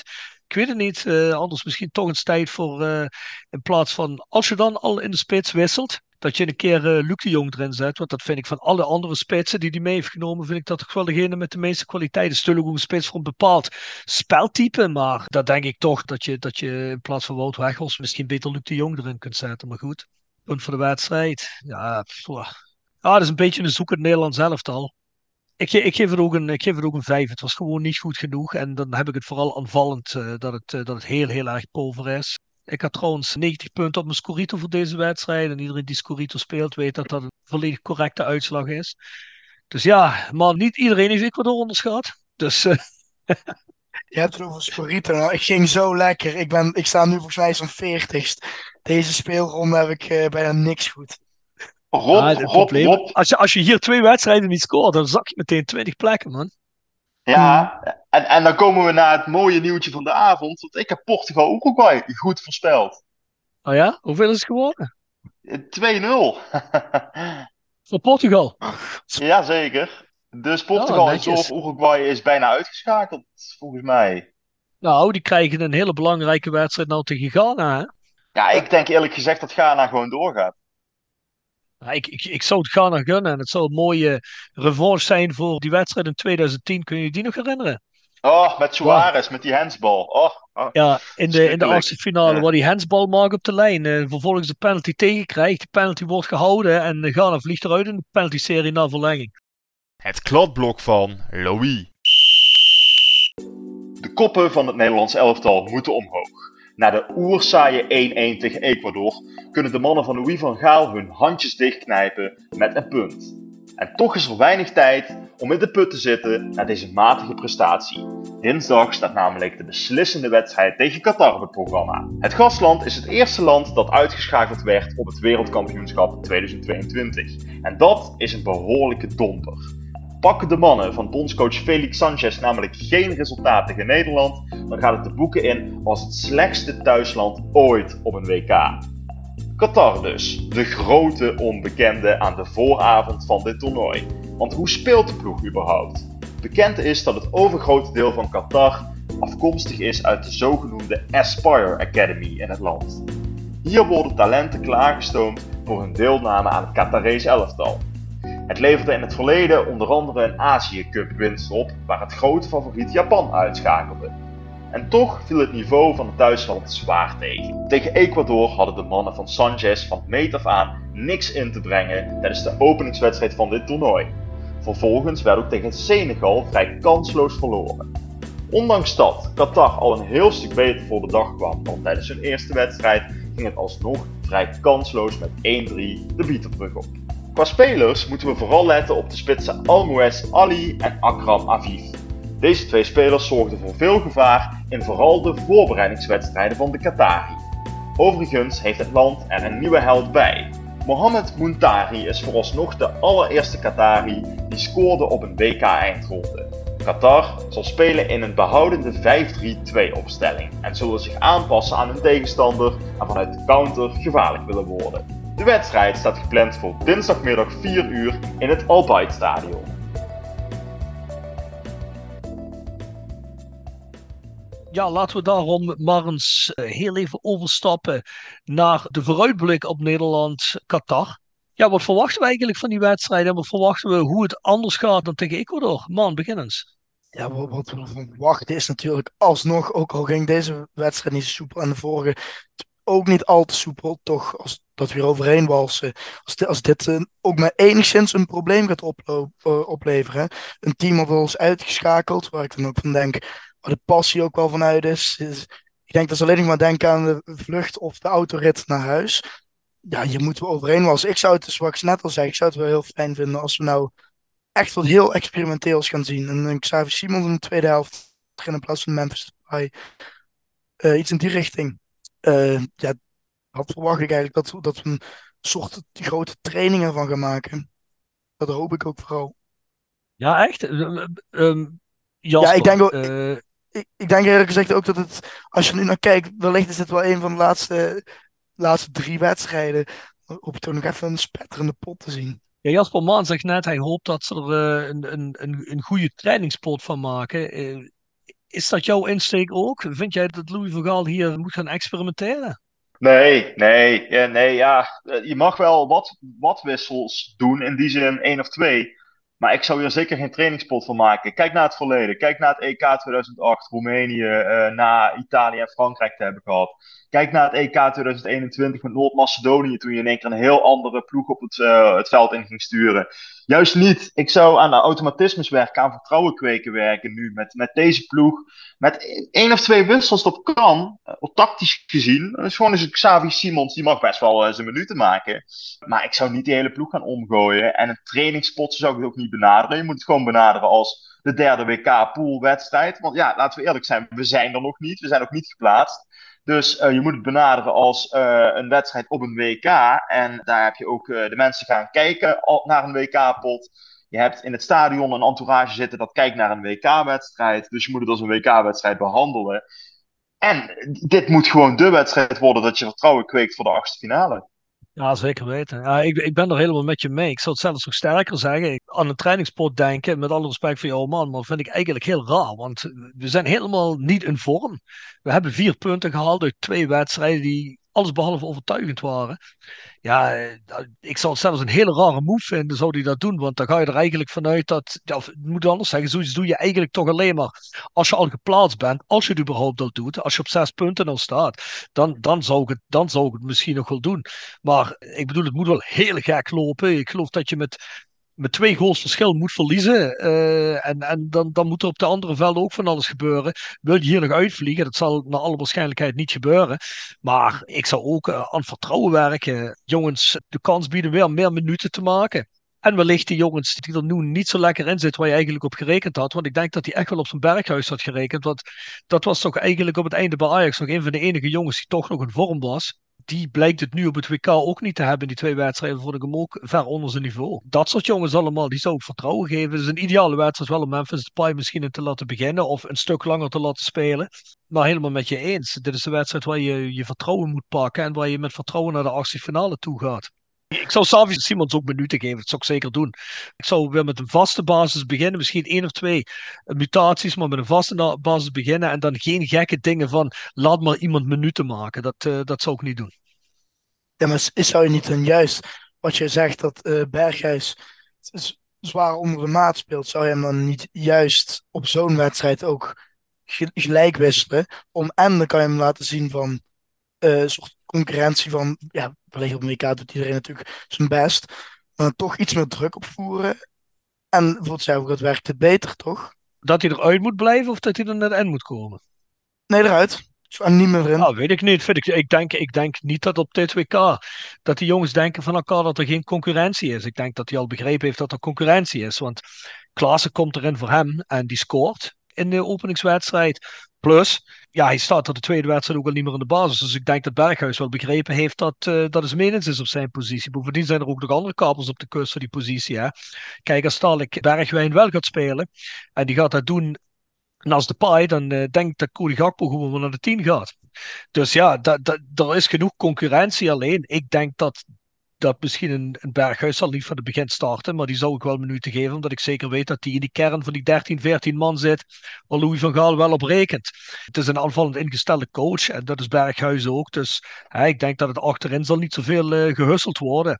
Het zal vooral uh, op het middenveld zijn. Ja, de aanval heeft hij niet zoveel opties, uh, maar nou, het zal vooral het middenveld zijn waar hij, waar nog de puzzel probeert te leggen, denk ik. Want dan ging het toch een paar keer fout met Berghuis en ook met... de koopmijners. Koopmijners, ja. En uh, ja. ja. dat, dat, dat, ging, dat ging twee keer uh, niet zo denderend. Dus ik denk dat hij dan een beetje probeert de puzzel te leggen. Laten we eventjes een ander probleem aanstippen. De wingback-positie. Dumfries en Blind.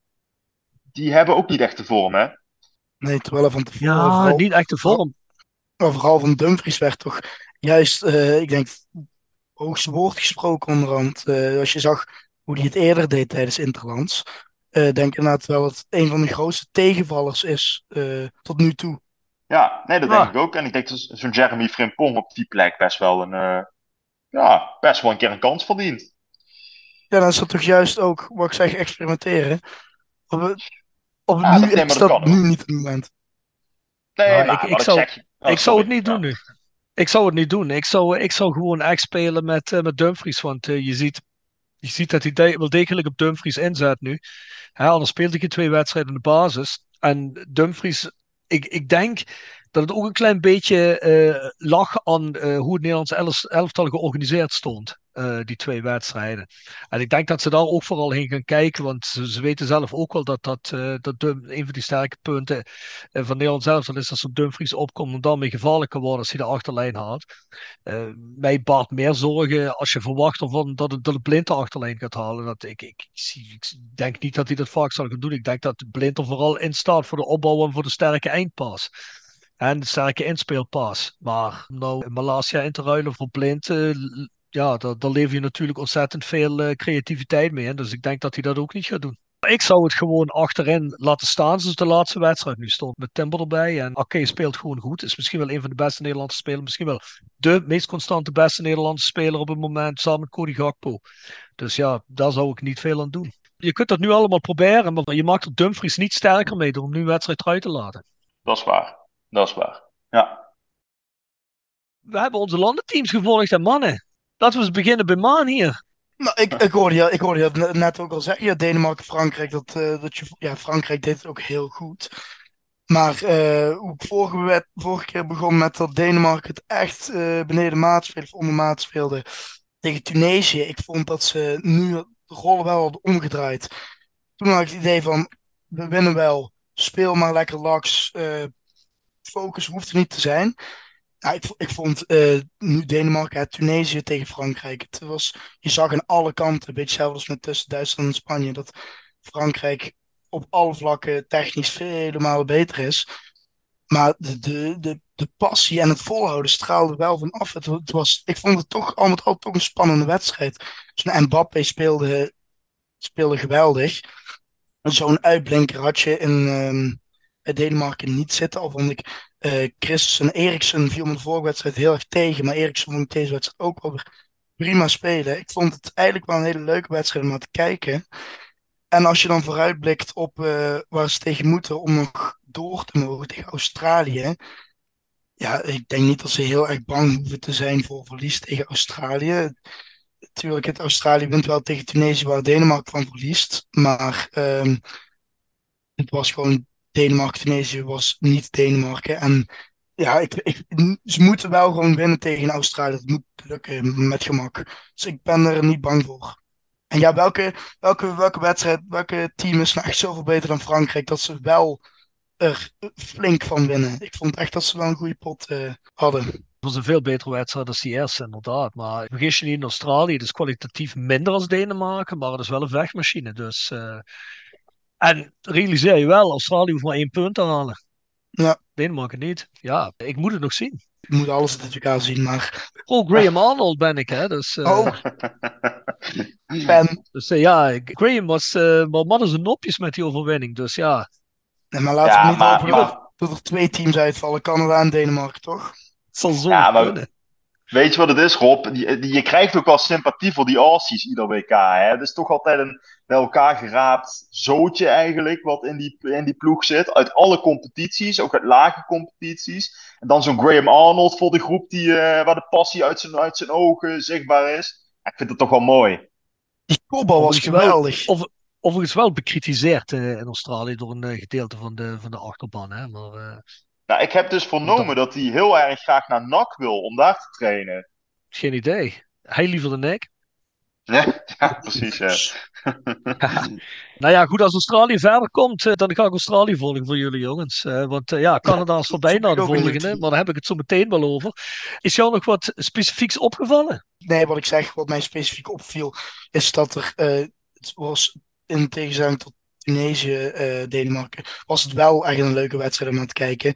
En ik denk eigenlijk wel in de top, uh, top 5 van wedstrijden wel om naar te kijken. Het, was, het voelde een beetje zoals dat Duitsland-Spanje aanvoelt.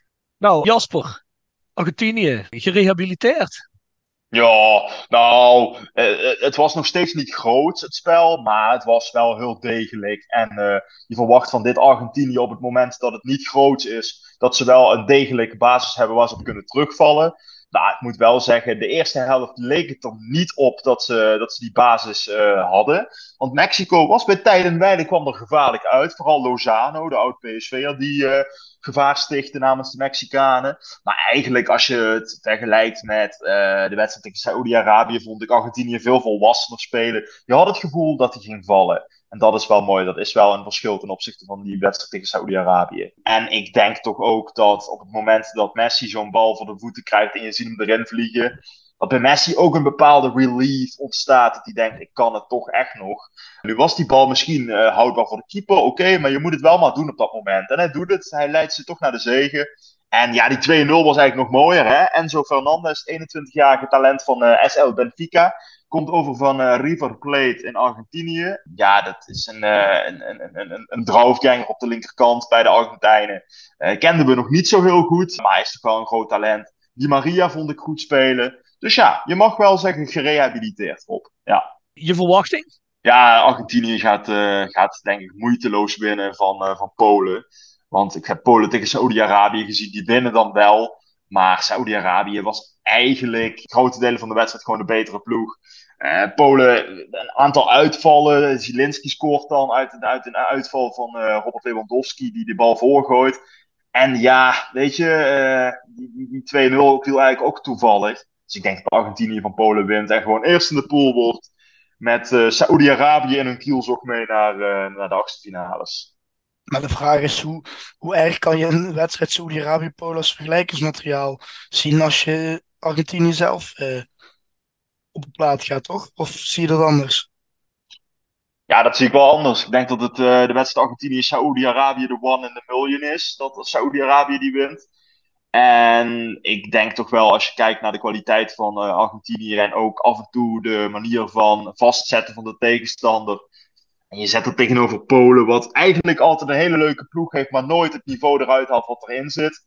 Ja, dan denk ik dat het vrij makkelijk is om te zeggen dat Argentinië die wel wint. Nou, vind ik een bold statement. Niet ja, vergeten, jij denkt dat Polen... Nee, ik denk niet dat ze winnen, maar Polen heeft maar een punt nodig, hè. Polen heeft maar een punt nodig en dan zijn ze er. Nee, Ja, dat ik- is waar. ik- ik- ja. Ik weet, ik weet helemaal niet of dat allemaal zo gemakkelijk gaat. Als Polen gewoon de bus parkeert. En ik heb Argentinië wel vaker, vooral op, op vorige toernooien, spelen tegen dat soort teams. En dan, eh, dan was het toch heel erg moeilijk. Dus ja, eh, ik weet het niet. Ik vrees dat er toch misschien een kleine verrassing in de lucht hangt. Ik heb al eens gezegd, voor mij is Argentinië titelkandidaat af. Ik heb de wedstrijd niet gezien, want ik zat bij het bierproeven van de fanproject. Ik weet het niet. Ik vind Polen ook niet bijzonder sterk hoor, daar gaat het niet om. Ja, zit je hier niet gewoon 200% op vanaf minuut 1 en zorg je dat je, dat je snel op een, eh, op een goede voorsprong komt, dan eh, zal het wel eens mis kunnen gaan. En zoals gezegd, Polen heeft Ja. maar eh, één punt nodig, dus eh, die hoeven niet per se te winnen, die hoeven niet zo nodig. Ja, en eh, ik wil het wel eens zien als ze de laatste 20 minuten, de laatste 15 minuten ingaan en Argentinië ligt met 1-0 terug of, of het staat 1-1 of zo. Dan wordt het allemaal nerveus, dan gaan ze meer naar voren voetballen en dan, ja, dan blijft Polen toch ontzettend gevaarlijk met Lewandowski in de spits. Ja, en dan is het Saudi-Arabië of Mexico mee in het kielzog. En wordt het gelijk, hè, dan kun je trouwens als Argentinië ook nog, eh, nog verder komen. Als, als Saudi-Arabië en, eh, en Mexico ook gelijk spelen, ben je gewoon verder op doelgemiddelde. Dus er zit nog wel een kans in dat Argentinië ook gewoon met een gelijk spel verder komt. Hoor. Maar het ligt een beetje aan de andere wedstrijd dan natuurlijk. Maar ik, ik, ik zou er niet zo heel zeker van zijn, Jasper. Maar dat zijn mijn two cents. Eh, Nee, dat kan. Ja. Verder eh, moet je natuurlijk niet al te veel hechten aan mijn, eh, aan mijn mening. Want ik had gezegd dat, eh dat kan aan het land dat ik, dat ik zou watchen. Dat, dat wel eens een verrassing zou kunnen worden van de groep. Ik heb niet gezegd van het toernooi, maar wel van de groep. Daar waren we heel snel van genezen. Want Canada is meteen het tweede land dat kansloos is en uitgeschakeld is. Ja, ik, ik, ik denk dat we in Canada hebben gezien wat heel veel mensen verrast heeft. Op een positieve manier. Door ehm, zeker in die eerste wedstrijd tegen België eigenlijk heel onverdiend eh, te verliezen. België heeft één kans ronduit goed af. Ehm, wederom, wat ik net al zei in de introductie. Ja, noem het slecht of noem het te naïef te verdedigen. Vaak is ook het hele middenveld staat, staat voorin eh, mee eh, tegen, de, tegen de 16 meter van de tegenstander aan te pressen. Dus eh, ja, zo, zo- zo krijg je ook heel grote ruimtes. Dus je, dus moet zorgen dat je wel heel zekere verdediging hebt op dat moment. En dat heeft Canada niet. Er zitten wel een paar goede jongens tussen, zoals die Miller. Die vond ik heel sterk voetballen. Al maakte die enorme fout waar hij over de bal heen schopt. Daar, waar de 4-1 uitvalt tegen Kroatië, die afgelopen wedstrijd. Maar goed, dat kan gebeuren je hoort eigenlijk niks dan lof. Hè? Maar eh, er, wordt dan ook eh, quasi over de spreekwoordelijke bol geaaid van Canada. Zo van, eh, ja, ja jongens, dat, dat was heel erg tof om, om te zien, die aanvalsdrang. En meteen zijn strafgebied belegeren met zes, zeven man. Maar heel naïef. En op dit niveau, ja, lig je er dan gewoon als tweede land meteen uit. Ja, dat is denk ik ook zo'n beetje de, de, de, de, de samenvatting van wat Canada hier heeft gedaan. En ik denk, hè, net zoals jij net al zegt, Jasper, bij Australië, hè, er, zitten jongens bij die komen uit, uit. Ja, de MLS, dat vind ik geen, ja, dat vind ik geen league van een hoog niveau. Daar zitten er nog redelijk veel in. En dan heb je een paar topjongens natuurlijk, zoals die Jonathan David en eh, Alfonso Davies en die Buchanan en nog een aantal jongens. Eh, maar dat zijn meestal de aanvallende krachten. Ja, het is, het is nog te onervaren. Het is een vrij jong team nog, tot op een paar jongens na. Hè. Ehm, nou ja, goed, ze zijn er in ieder geval over vier jaar weer bij. En mijn verwachting is dat ze over vier jaar een stuk meer ervaring hebben. Er zullen nieuwe jongens bij komen. Waarschijnlijk een paar jongens die zich gaan ontwikkelen. Want ik denk trouwens, die, die ene, die, die rechtsback vond ik trouwens een goede jongen. Kom even niet meer op zijn naam. Die, die, die kleine blonde jongen. Johnston. Ja, precies. Ja, Ja. Die, die bedoel ik, ja. Ja. Ik denk eh, dat er wel een paar jongens bij zitten die wellicht een overstap gaan maken naar Europa op een, eh, op een gegeven moment. En dan denk Ja. ik dat er, als er wat meer stabiliteit in komt en je blijft zo spelen, maar je kunt, je, je kunt daar een beetje meer zekerheid in bouwen, dan denk ik dat je een heel leuk Canada te zien krijgt in 2026. En laten we daar maar op hopen. Want ja, ik denk wel dat ze, zeker, zeker na die eerste wedstrijd met die eh, ontzettende aanvalsdrang, wel het hart gestolen hebben van een, eh, van een redelijk wat mensen. En dat iedereen ook eigenlijk een beetje jammer vindt dat ze eruit liggen. Want ja, hè, had je gewoon gewonnen tegen België, dan eh, was België nu uitgeschakeld geweest. Dan was je gewoon in de race geweest voor een van de, van de plekken. Alhoewel ik ook denk, hè, tegen dit Marokko, als je zo speelt zoals Canada heeft gespeeld de laatste wedstrijden, wat ik wel denk wat ze ook weer gaan doen. Hè. is een beetje kamikaze, een beetje suicide. Hè. Pakt het toevallig tegen Kroatië goed uit als je, tenminste in die eerste vijf minuten, dat je de eerste treffer maakt. Hè. Je, kunt, je kunt ook het team zo overrompelen. Daar is Kroatië te uitgekookt voor. Is wel gebleken, België was dat niet.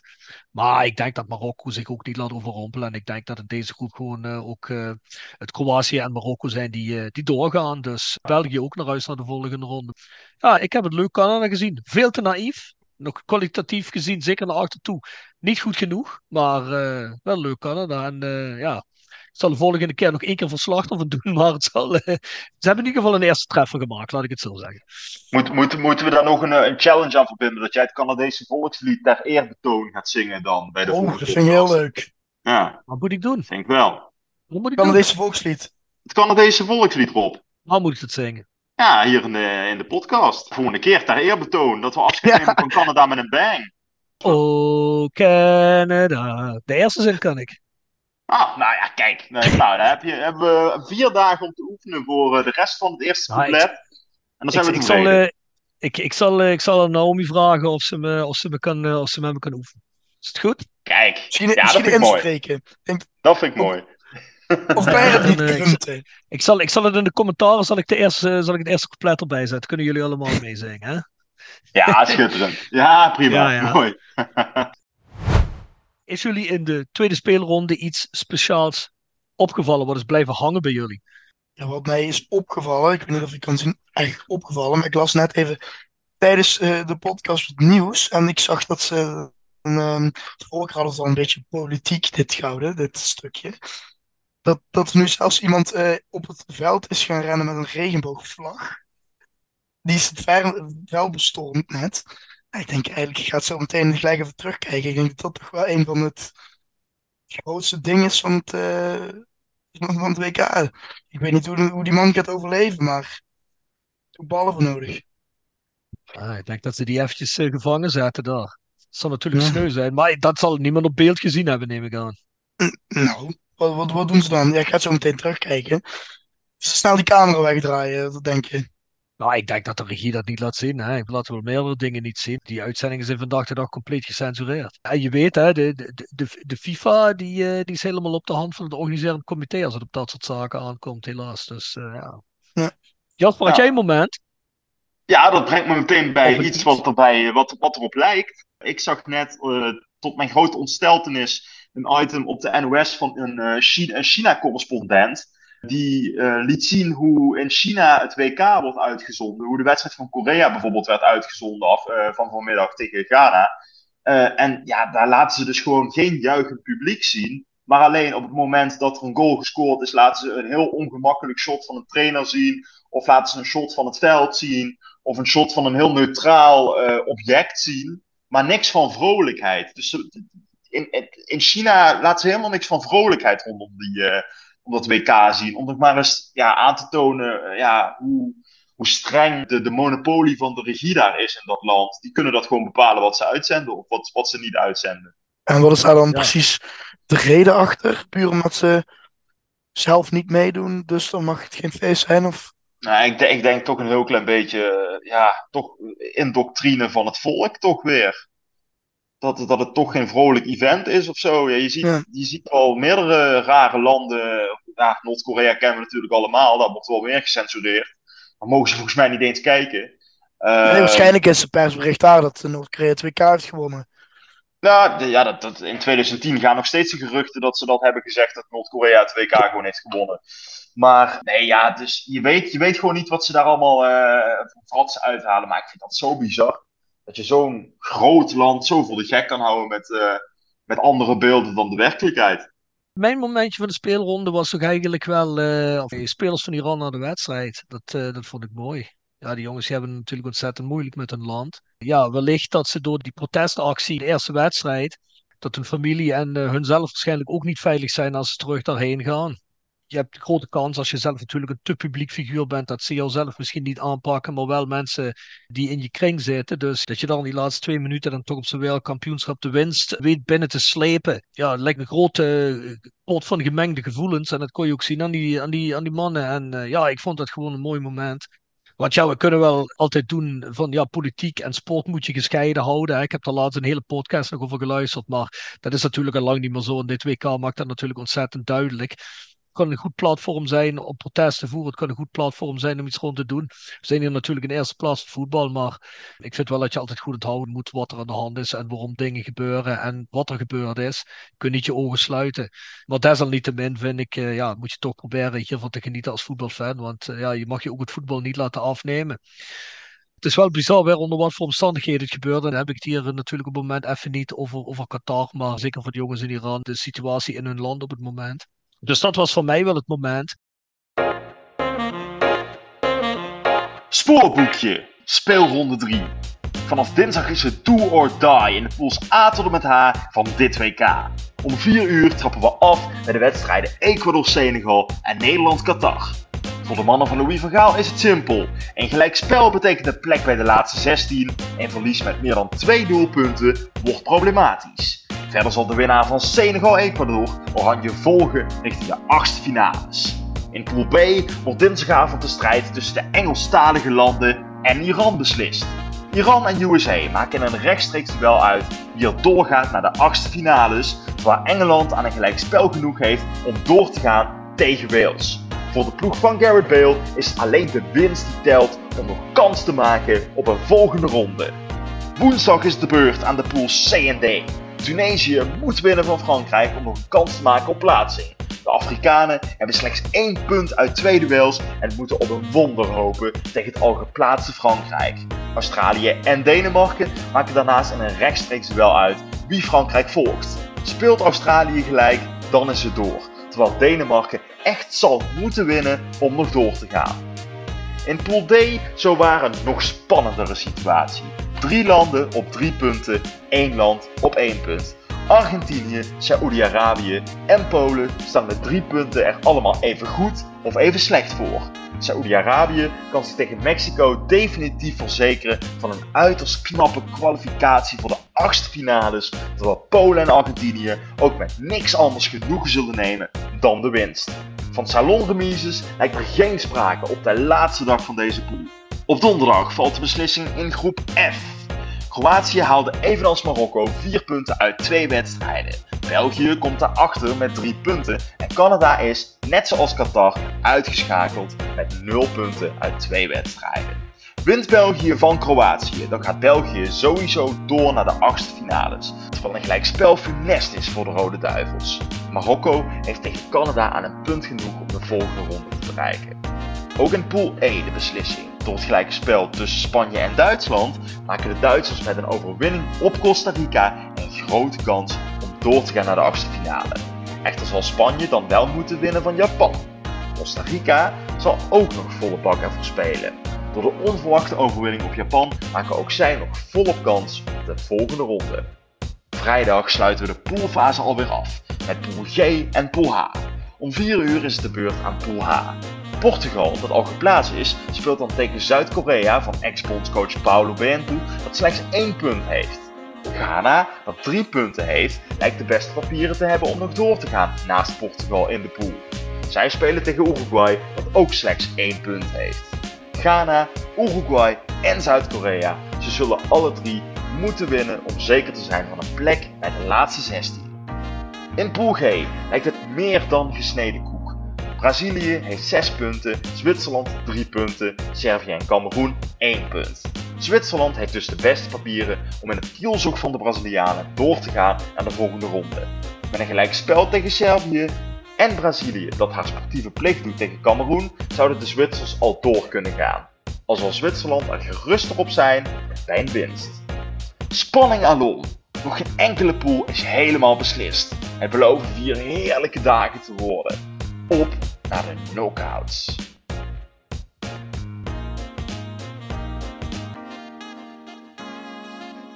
En wat denken we dan? Iran of de Verenigde Staten als tegenstander in de volgende ronde?